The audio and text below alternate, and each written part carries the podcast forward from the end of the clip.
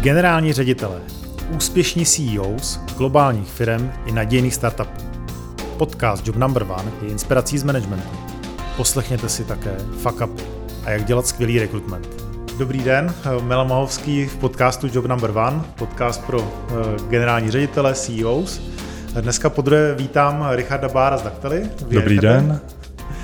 Eh, minule jsme se bavili eh, o tom, že spojujete milion hovorů za den a skončili jsme, že nebudeme brát ruskou ropu. Tak dneska bych začal úplně tematicky Ukrajinou, protože vlastně Česká republika se Ukrajině snaží pomáhat. A očekávám, že s vašimi produkty možná, že jste třeba i v tomto trochu aktivní. Je to tak? Je to tak, samozřejmě ta současná situace ve světě nás asi jako každého normálního civilizovaného člověka vůbec netěší. A my jsme se v Daktale vždycky snažili jak kdyby pomáhat tam, kde to dokážeme, to znamená někde v kom, primárně v té komunikaci, a, takže se nám podařilo se vlastně a, domluvit, protože jsme a, v rámci covidu řešili chytrou karanténu, takže se nám podařilo s ministerstvem vnitra domluvit, teda s ministerstvem zdravotnictví domluvit, že jsme vlastně na, v rámci 1221 zřídili i linku pro uprchlíky z Ukrajiny, kterou obsluhují Eh, operátoři eh, ukrajinští a jsou schopni jim pomáhat. Máme potom projekt, který jsme dělali společně s firmou u lékaře, která taky pomáhá eh, ukrajinským uprchlíkům a máme ještě asi další dva nebo tři projekty, kde jsme prostě vstoupili s tím naším řešením, abychom nabídli komunikační platformu právě pro firmy, které se snaží pomáhat ukrajinským uprchlíkům. To znamená, že jste vlastně jako pomohli jako přenastavit nějakým způsobem procesně eh, to řešení tak, aby eh, ta komunikace byla hladší. Buď přenastavit, anebo úplně znovu vytvořit. V podstatě to je zase pěkné na tom našem systému, že jsme schopni ho relativně rychle vydeployovat a vlastně dostat k tomu zákazníkovi, když to hoří opravdu v řádu hodin. Čem třeba jsou ty jako zásadní výhody, třeba když se bavím jako pro, ty, eh, pro tu linku pro Ukrajince, co, co je vlastně ten hlavní cíl? Tak tam už to bylo o tom, že eh, bylo rozjeté nějaké kontaktní centrum, které fungovalo vlastně v rámci chytré karantény, kde ve své době byly tisíce operátorů, takže už to bylo i docela pěkně prověřené, že to je stabilní a vlastně bylo možné velice jenom eh, pomocí několika rekonfigurací vlastně připravit celé to řešení tak, aby okamžitě ti operátoři tam mohli naběhnout a pomáhat vlastně v ten moment, kdy tady přicházelo spousta, spoustu tisíc eh, uprchlíků denně. Máte tam třeba nějaké zajímavé inovace? Myslíte v rámci té chytré karantény? Tak v rámci takových jako rychlých řešení. Jo. jo. A já když se představuji jako call centrum, tak principně se představím prostě halu eh, mladých lidí, kluků a holek, který prostě sedí blízko sebe a, mají před sebou velkou ceduli, kolik hovorů čeká na odbavení. Jo. jo a což je asi jako tradiční výjímání, co je mm-hmm. vlastně jako zákaznické centrum a že mi prostě jako ten robot eh, přepojuje ty hovory a v zásadě položím a rovnou mi to zdvihne samo, ani nemusím nic zmáčknout. Že, jo, že předpokládám, že prostě se to asi posouvá, ta technika eh, zase trošku dál. Tak já si myslím, že tohle tohle se opravdu posouvá. Ne vždycky už to takhle je, že je to opravdu jenom jedna velká místnost, kde, stojí, kde sedí desítky lidí a, a vlastně komunikují, je tam obrovský hluk. A v podstatě v tomhle covid eh, trochu otevřel, otevřel jak kdyby stavidla uh, cloudovým technologiím, protože do té doby si myslím, že jako spousta firm uh, ať už kvůli nějaké pseudobezpečnosti eh, nebo kvůli nějakým svým interním pravidlům v podstatě cloud úplně jako vyčlenovala ze toho, co by mohli používat. Eh, v tomhle COVID zcela evidentně extrémně pomohl. Pochopili i firmy relativně velké, že cloud není technologie jenom pro nějaké menší firmičky, které chcou ušetřit peníze, ale že jim to může taky přinést spoustu výhod. A eh, od té doby vlastně veškeré, nebo všechny naše instalace už jsou jenom cloudové, už nedá, vůbec neděláme on-premise řešení. No a co se týče vylepšení, samozřejmě tam je každý měsíc se objevuje v rámci customer care a v rámci, v rámci kontaktních center něco nového, nějaké nové technologie, které by se daly používat právě pro to zefektivnění a pro to, aby operátoři se mohli věnovat nějakým svým složitějším problémům a nemuseli řešit prostě ty jednoduché, které ten robot dokáže velice jednoduše zpracovat. Hmm. Já se možná vrátím k tomu cloudu. Znamená to, že teďka může operátor sedět doma, nemusí být v kanceláři? Přesně tak. Přesně no, tak. To je asi ta hlavní změna, ne? Že... Je to obrovské, ano, je to hlavní změna, ale přitom je vlastně pořád uh, ta firma schopná kontrolovat, jak ten operátor funguje. Jo, když si to bylo, že jako když jste měl operátora doma, tak volal ze svého mobilu, podpsal někde ze svých e-mailů a vlastně jakákoliv kontrola ze strany firmy, jestli funguje ten daný člověk správně podle firmních procesů, byla skoro nulová. Teď, když to máte v nějakém jednom systému a můžete se na to v reportech podívat, a je vám vlastně jedno, jestli ten člověk sedí vedle vás na židli, nebo sedí někde o 300 kilometrů jinde, něco, co zase před nějakými třemi, čtyřmi lety si ty firmy vůbec nedovedly představit. Hmm, to jste posunuli koncentra do home office. Přesně tak, přesně tak. A respektive home office, ale možná i distribuovaně, že nemusí sedět v jedné zemi, ale může, může sedět možná v jakýkoliv zemi. Tak ono eh, v podstatě spousta našich zákazníků funguje tak, že má od nás jeden systém a na tom funguje 20, 30 zemích. Třeba Notino vlastně začínalo, že jo, jako česká firma eh, s jedním, s jedním e-shopem v Brně a v současné době je to obrovská nadnárodní firma, která funguje vlastně v rámci celé Evropy a my jsme schopni v rámci toho našeho systému tohle celé zastřešit. Což je velmi progresivní, protože se vezmu náklady na, eh, na provoz call center, eh, tak možná, že se, se děje to, že mám x set operátorů, ale jenom možná polovinu pracovních míst, jestli chápu správně. Za prvé polovinu pracovních míst a za druhé fyzických židlí. Přesně mhm. fyzických židlí, prostorů, že jo, eh, nemusíte, nemusíte řešit uh, ofisy v jednotlivých zemích, když samozřejmě pokud už tam je více lidí, tak ve většině případů si ta firma ten ofis tam pořídí, ale pořád ho nemusí dělat prostě pro všechny zaměstnance, může to mít distribuované. Docela se i tím jako vyhnete vlastně problémům typu, že když vám já nevím, vypadne internet na headquarteru, tak e, najednou jako přestanete vlastně v dané zemi existovat. Když to máte takhle distribuované skrz homeworkery, tak v podstatě vždycky minimálně někdo je online a je schopný prostě ty hovory nebo nějaké e, jiné aktivity odbavovat. Takže má to samozřejmě spoustu pozitiv, má to i nějaká negativa, kdy eh, ne vždycky domácí internety jsou na takové výši, aby ten VoIP třeba správně přenášeli, takže občas se potýkáme s tím, že domácí uživatelé si stěžují třeba na trhání hovorů a podobně, ale to už zase jako pak není na nás, no, to už se musí Rozumím. pořešit. A tenhle problém se asi principálně stále snižuje, že Přesně kvalita tak. internetového pokrytí je, je, je to výrazně, tak. výrazně jiná. Je pravdou, že vlastně já jsem teďka hovořil s dámou z holandské firmy, eh, byla to Němka a komunikoval jsem s ní ze Stockholmu. Takže to je asi, to je asi vlastně váš denní chleba, že vlastně potkáváte vlastně takovéhle, takovéhle situace a vlastně podporujete to eh, svým, Přesně tak. svým řešením. Vy jste mluvil o nějakých inovacích, možná co jsou takové ty nejnovější hity a trendy? Tak určitě už jsme se v minulém díle bavili o těch automatizacích, chatbotech, voicebotech. To je jako něco, co teď extrémně, eh, extrémně funguje. Další inovace můžou být různé analýzy hlasu. To znamená situace, kdy eh, v podstatě v, v reálném čase se snažíte, ať už pomocí nějaké biometrie, třeba určit, jestli daný člověk je ten, za kterého se vydává. Eh, případně tam můžete mít eh, různé analýzy, jestli je naštvaný nebo jestli je v dobré náladě, jestli operátor reaguje korektně nebo jestli nějakým způsobem je agresivní třeba. A to jsou věci, které pokud máte těch operátorů více, se velice složitě samozřejmě kontrolují a pokud do toho dokážete přidat tuhle tu automatickou složku, tak může přinést relativně zajímavé výsledky. Hmm. Pokud se nemýlím, tak existuje nějaký fraud detection, mm-hmm. z hlediska analýzy, analýzy hlasu, že to jsou nějaké řešení, které jsou za vámi, asi, asi to není vaše nativní.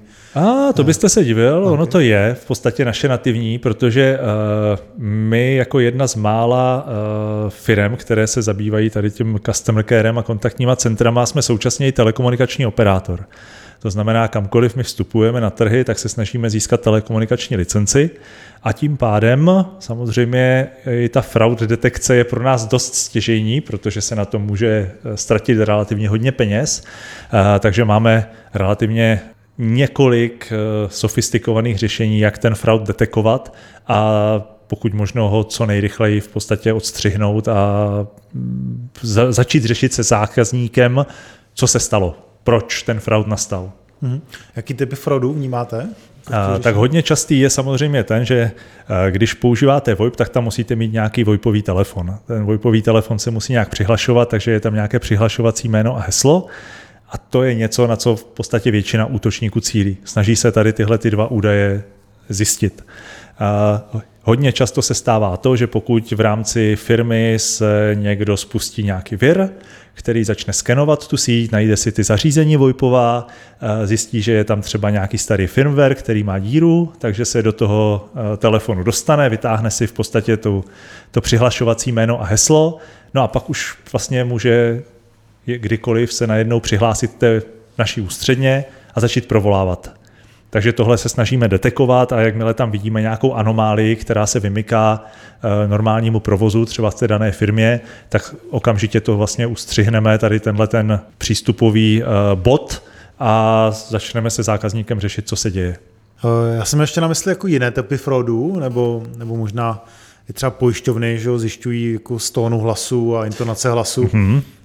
že to může být podvodník, že jo, který, který jo, hlásí, jo. hlásí nějakou pojišťovací událost, která není, eh, není mm-hmm. reálná. Jo, že to je spíš jako já si myslím, detekce, že tady, detekce jo, hlasu. tady si spíš myslím, že se zatím jako pohybujeme v nějakých proof of konceptech. Jo, myslím si, že jako zrovna ta biometrie a, a analýza emocí je něco, co opravdu je vidět, že svět zajímá, ale pořád ještě tam jako máme spoustu, spoustu času před náma, aby to bylo opravdu v nějaké rozumné míře použitelné. Aha, tak já už jsem myslel, že jsme dál eh, v této oblasti, že jsme.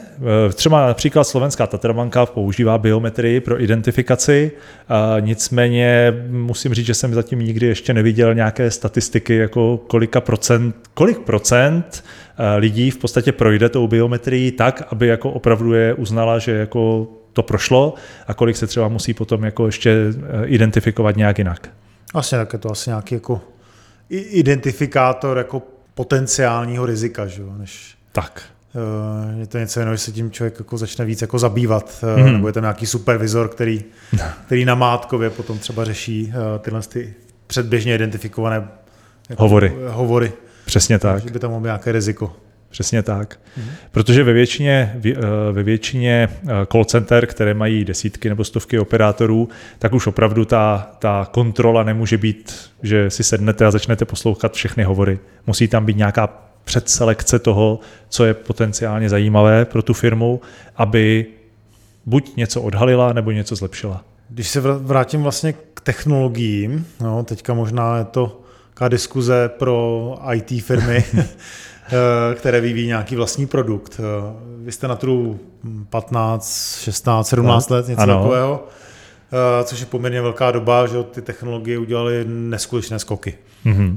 V IT v zásadě v každých pět let podle mě udělá, udělá vlastně totální převrat toho, co ta infrastruktura zvládne, jakou rychlostí to může běžet.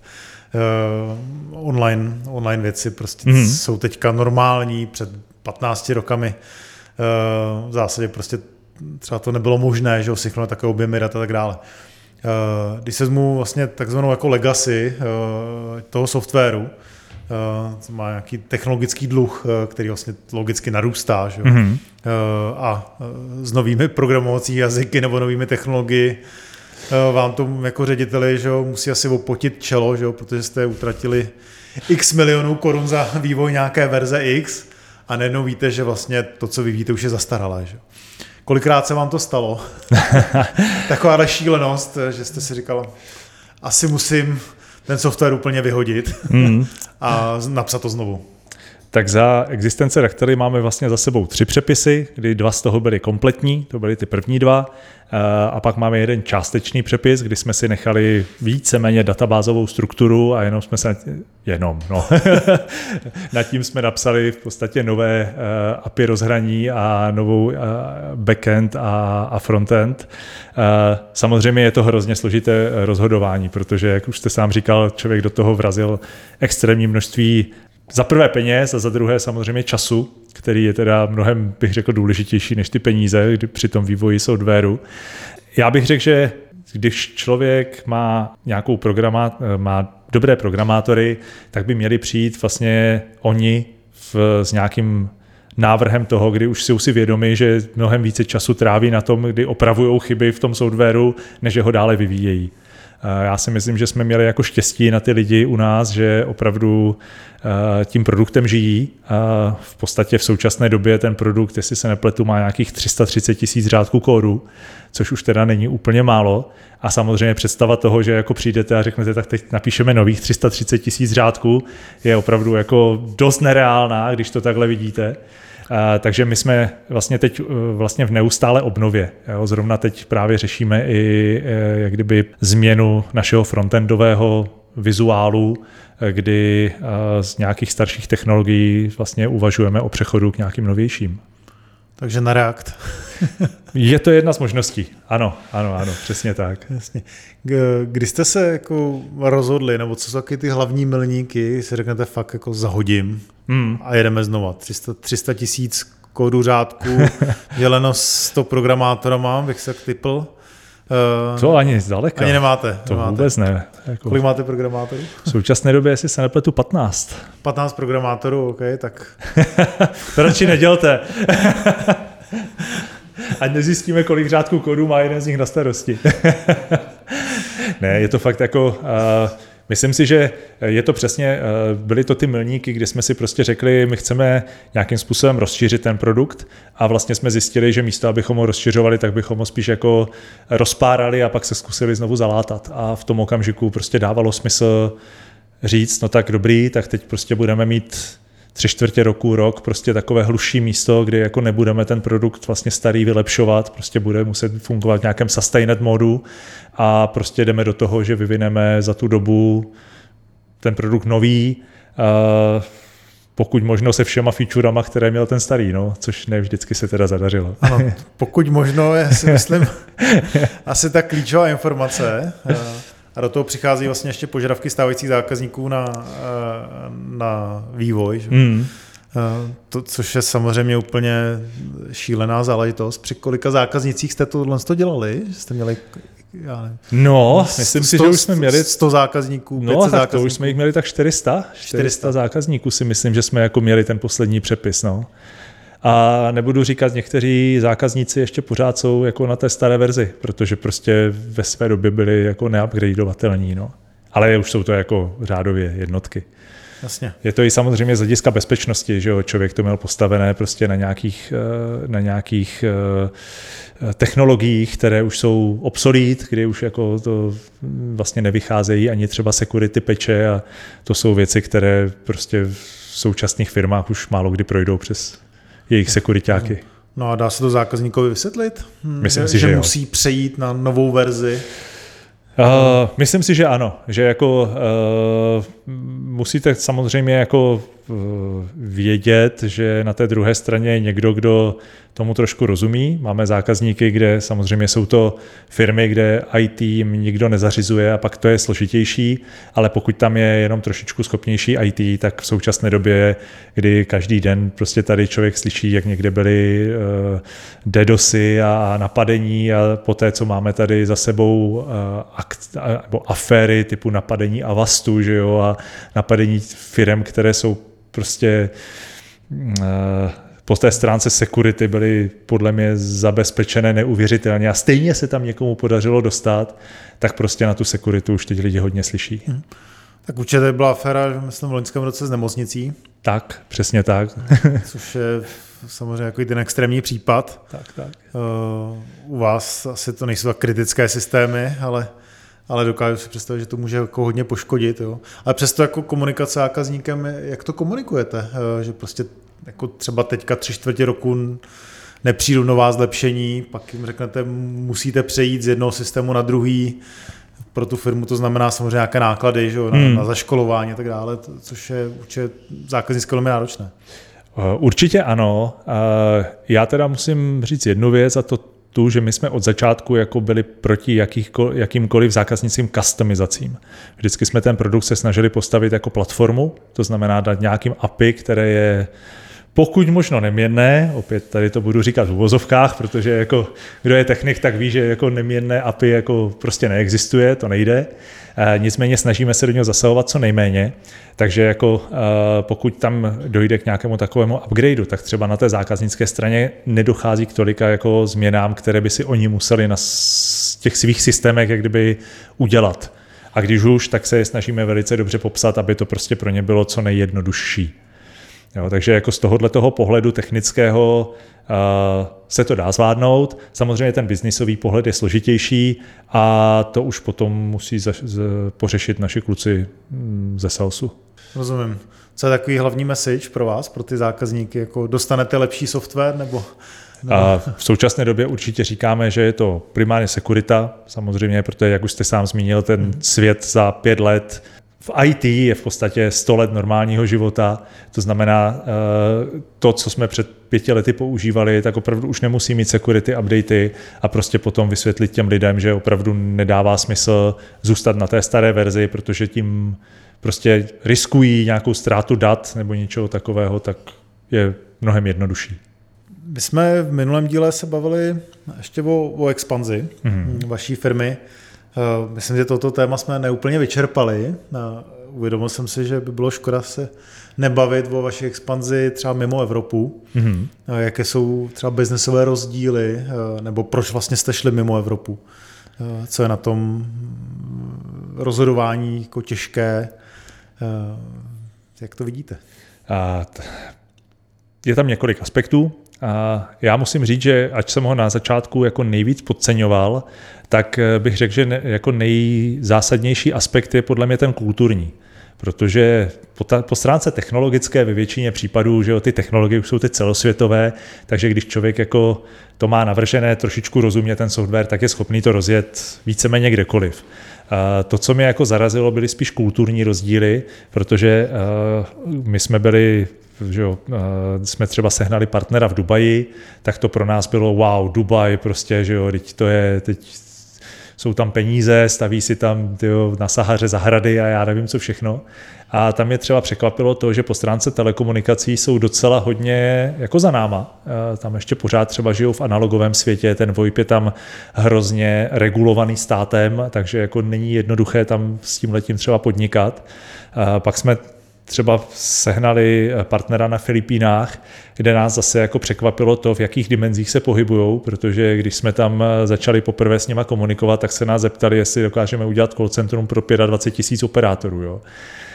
Tak to jsme tehdy trošičku jako tak jako se podívali, jako jsme si říkali, jsme si, nám selhala fantazie, jak jako sehnat 25 tisíc lidí do jednoho místa, no ale je to prostě eh, Filipíny, jako jak mají levnou pracovní sílu, tak v podstatě jenom, jestli se nepletu, kolem Manily je snad 2,5 milionu lidí zaměstnaných v call centrovém biznesu, takže tam opravdu jako jedou prostě v těchto těch velikostech a samozřejmě to pro nás znamenalo trošku jako začít uvažovat o nějaké škalovatelnosti toho řešení zase v jiných dimenzích. Jo. Takže uh, to je takže, jedna věc. Takže tady nějaká česká banka jako to jako alegrace. jako musím říct, že ano. Jako, že když si to člověk vezme, tak jako opravdu, jako my jsme teda vždycky brali, jako, že stovky operátorů už je hodně. A pak, když jsme začali vlastně chytrou karanténu, kde ve své době bylo třeba 4 tisíce operátorů, tak jsme si říkali, tak to už je slušné. No a pak najednou přišla tady jako partner z Filipína zeptal se na 25 tisíc, no, kdy jsme jako řekli, no hele, tak to bychom museli hodně testovat, jako abychom zjistili, jestli to bude fungovat. Já, já vám docela jako rozumím, protože já působím v oblasti rekrutmentu a jsem měl zákazníka, který chtěl kariérní stránky pro 1500 eh, náborů za, za rok. Takže, tak jsem tak jako říkal, hm, to jako hezké řešení.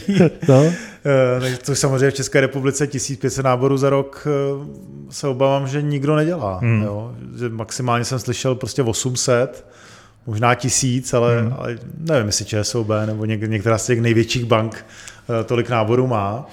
Ale, ale chápu, že 25 tisíc operátorů je ještě trošku jiný level. Hmm. Jako je pravda, že v tomhle tom právě to, že jsme na českém trhu, který je přece jenom relativně malý, tak eh, je to jako určitá věc, kdy my to naše řešení naškálujeme na nějaké množství lidí, kteří jsou pro ten český trh a potom ta globální expanze může být trošku složitější. No. Mm-hmm, vlastně. No a když se jako pro, pro firmy, které vyrábí jako software, tak v zásadě prostě je dobré jako už počítat s tím, že pokud mám produkt, který je teoreticky koupitelný v jakékoliv zemi, tak abych přemýšlel prostě o tom, že mohu deployovat eh, na serverech v jakékoliv části zemi, eh, jo, ať hmm. je to hmm. Singapur nebo Austrálie nebo Amerika, že? Ano. a jsem schopný prostě škálovat ve smyslu, že prostě jenom přidávám, já nevím, procesory, servery prostě jako jo a, a umím vlastně to skládat za sebou, abych ten výkon, výkon dokázal dodat. Jo. Je to tak. Říkám to dobře, nebo vy jste Myslím technik, si, že je to tak. Vy jste lepší technik tisíckrát než já. ne, je to, to tak. vysvětlete trošku víc detailů. Uh, ono tam záleží i na tom, že uh, samozřejmě, uh, když jdete do nové země, tak uh, je svázána nějakýma uh, IT zákonama. Eh, v současné době, že jo, v Evropě často promílané GDPR a, a držení dat že jo, na území státu a podobně.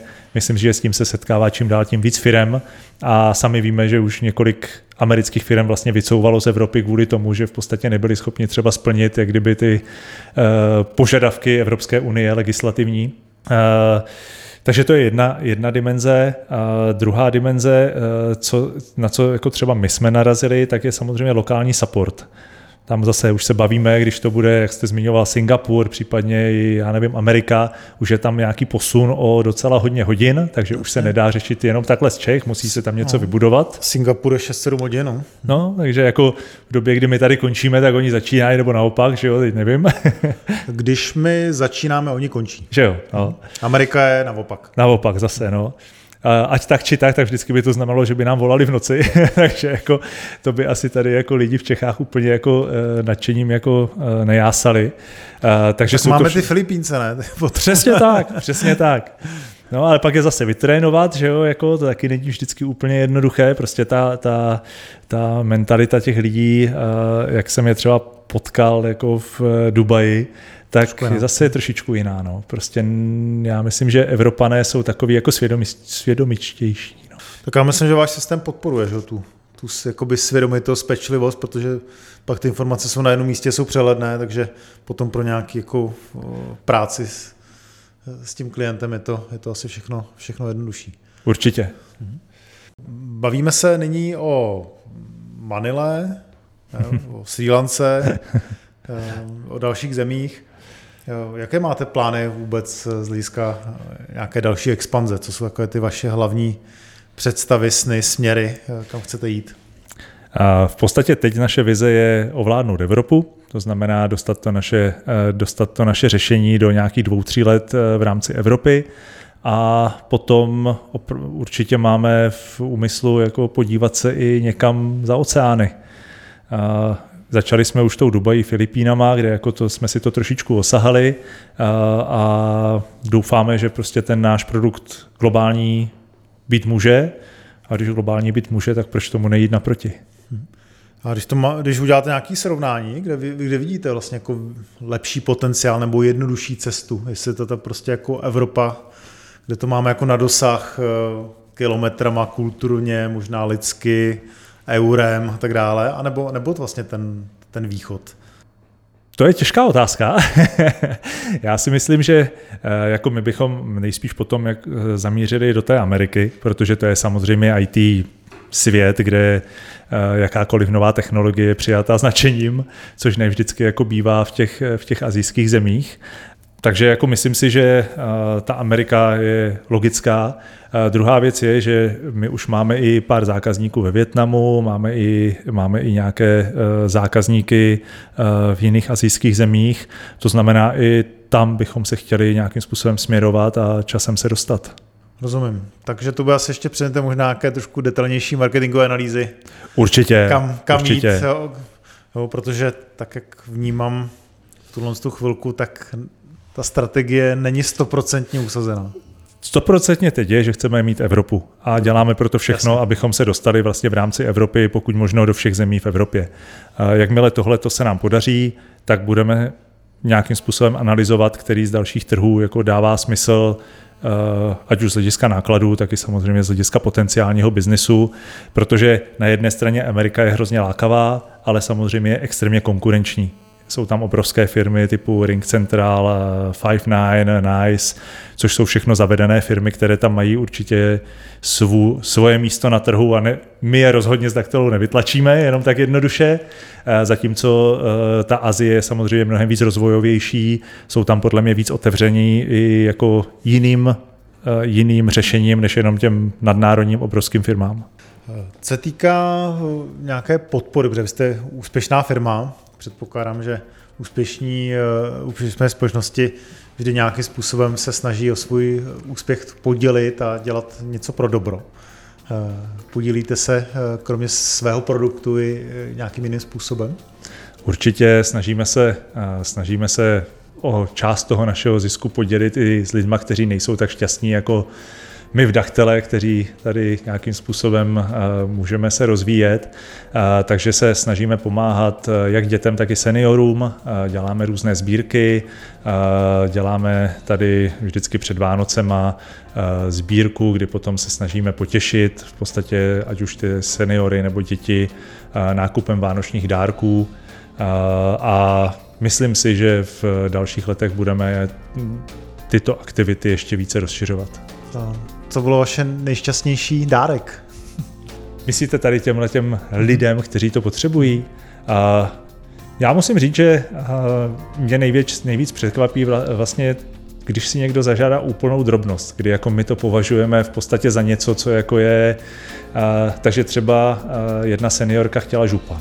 Teď si člověk říká, jo, tak to je jako já tady můžu jít kdykoliv a koupit si župan, že jo, a někdo prostě opravdu musí přemýšlet. A, takže jako z tohohle toho hlediska určitě jako je vidět, že jsou tady lidi, kteří ocení jakýkoliv i menší dárek a mm, o to víc mě pak potěší, když vím, že to bude pro toho člověka mít opravdu jako ten, ten, ten náboj, to, co jako, že ho to vlastně rozzáří mu to ty Vánoce a prostě on to, co by si třeba sám nekoupil, tak vlastně takhle může dostat. To myslím, že je úplně úžasný závěr našeho druhého dílu podcastu.